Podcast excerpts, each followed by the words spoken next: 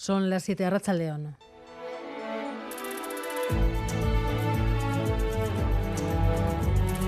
Gambara con Arancha García.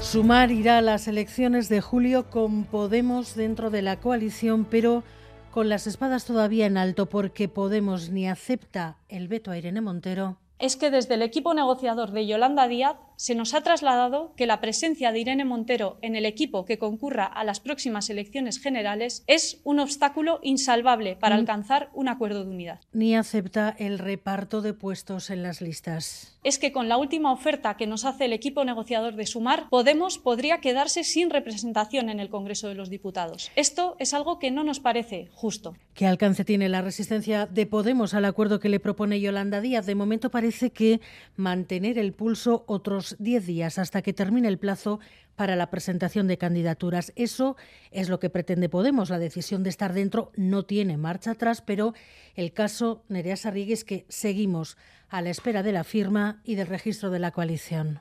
Sí, pendientes a esta hora de que se produzca ese registro en la Junta Electoral Central que Sumar quería llevar a cabo cuanto antes para no llegar sobre la bocina y evitar errores, pero se está retrasando un documento que contará con una decena de firmas, también la de Podemos, que finalmente formará parte de la coalición, aunque entre duras críticas a Yolanda Díaz, sobre todo por ese veto impuesto, denuncian a Irene Montero, avisan de que la negociación continuará hasta que termine el plazo de presentación de las listas dentro de 10 días.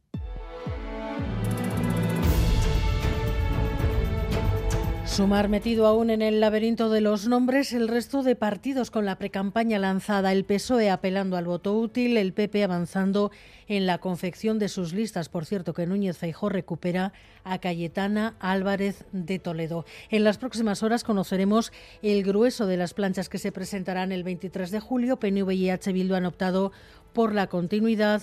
En el PSE sí que hay algunas caras nuevas y las incógnitas que quedan Imanol Manterola, Partido Popular y Sumar. Esos son los rezagados sumar por motivos obvios. En el caso del Partido Popular, todos a la espera de Feijó. Las listas las decide Génova y todavía hay margen de tiempo para ello. En todo caso, la clave en el PP vasco es precisamente la impronta Feijó que podría provocar cambios en los cabezas de lista. Recuerden, en 2019 fueron Bea Fanjul, Marimar Blanco e Íñigo Arcauz. La cuestión es si estos nombres encajan con los aires de renovación que quiso imprimir Génova en las listas municipales y forales. El resto tiene el trabajo ya más adelantado. La Asamblea Nacional del PNV aprobará mañana sus listas. Hay nombres nuevos en la propuesta que hizo el Euskadi Burubazar a las organizaciones territoriales, como el de Olaz Peón, hasta ahora alcaldesa de Tolosa, aunque repiten las caras visibles Aitor Esteban, Joseba Aguirrechea y Miquel Legarda. Algo similar en el caso de EH Bildu con Merche Izpurúa, Oscar Matute e Iñaki Ruiz de Pinedo. Entre las novedades, el nombre de Pello Urizar, exsecretario general de Eusko Alcartasuna. El que ya tiene sus listas aprobadas y cerradas es el Partido Socialista de Euskadi, con una renovación parcial. Pachi López repite por Vizcaya. En Araba, la salida de Isabel Cela aupa a Daniel Senderos a primera posición. Y la principal novedad es Guipúzcoa. Rafaela Romero toma el testigo de O'Donnell Orza. A ocho días para la constitución de los ayuntamientos, entre tanto en Iruña, el enredo entre las fuerzas progresistas continúa. El PSN deja definitivamente la pelota en el tejado de H.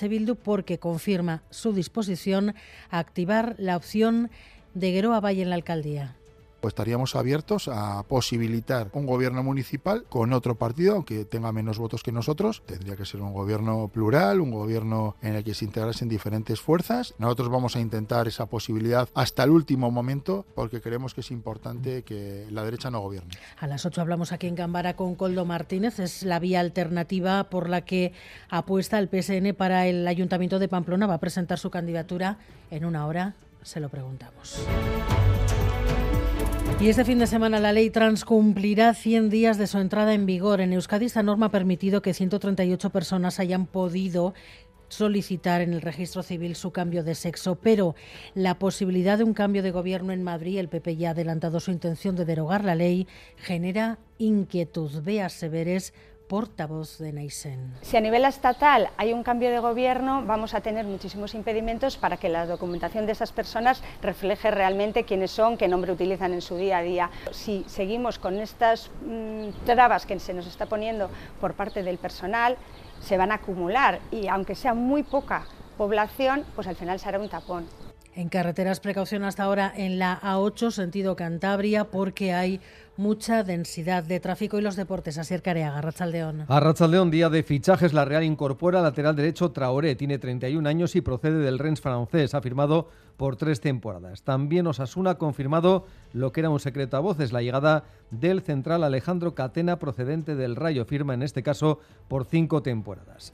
El presidente del Atleti, John Uriarte, ha asegurado que el club no miente en el caso Íñigo Martínez de la Rotarra. Sí recibió una oferta por parte de su junta, pero el jugador tenía ya decidido marcharse del club rojiblanco.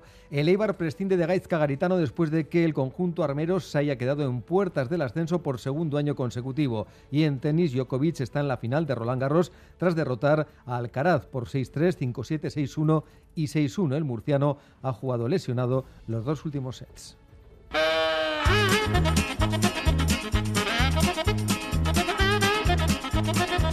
Hace unos días fue la guía del Tour y el vídeo que promociona las finales de rugby de este fin de semana en Donostia, también con fallos en el GPS. David Beramendi.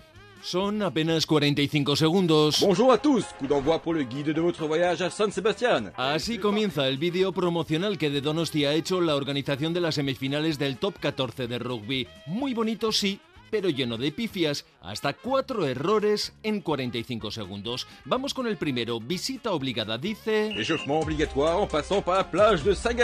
Visita obligada a la playa de Sagües, dice, cuando la imagen muestra la playa de la Concha. Segunda pifia. On s'élance dans la visite de la ville, et ça tombe bien parce que l'incontournable Place Catalunya n'est pas loin. Llama Plaza Cataluña la Plaza de la Constitución, un auténtico sacrilegio. Tercera pifia. Direction maintenant le superbe pont Maria Cristina, qui t'amènera à la cathédrale. Nada raro en principio, salvo que en los rótulos pone Catedral de Urdaneta en lugar de Buen Pastor. Y cuarta y última pifia, sin comerlo ni beberlo, el vídeo muestra una imagen de Córdoba. Se ve una pared con cerámica cordobesa. Cuatro errores de bulto que han incendiado las redes sociales. En lo que no se confunde es en llamar Real Arena al estadio. Quién sabe, quizás ahí sí, alguno hubiese preferido escuchar el nombre de Anoeta. Miguel Ortiz y Alberto Subeldia están en la dirección técnica, Cristina Vázquez en la producción.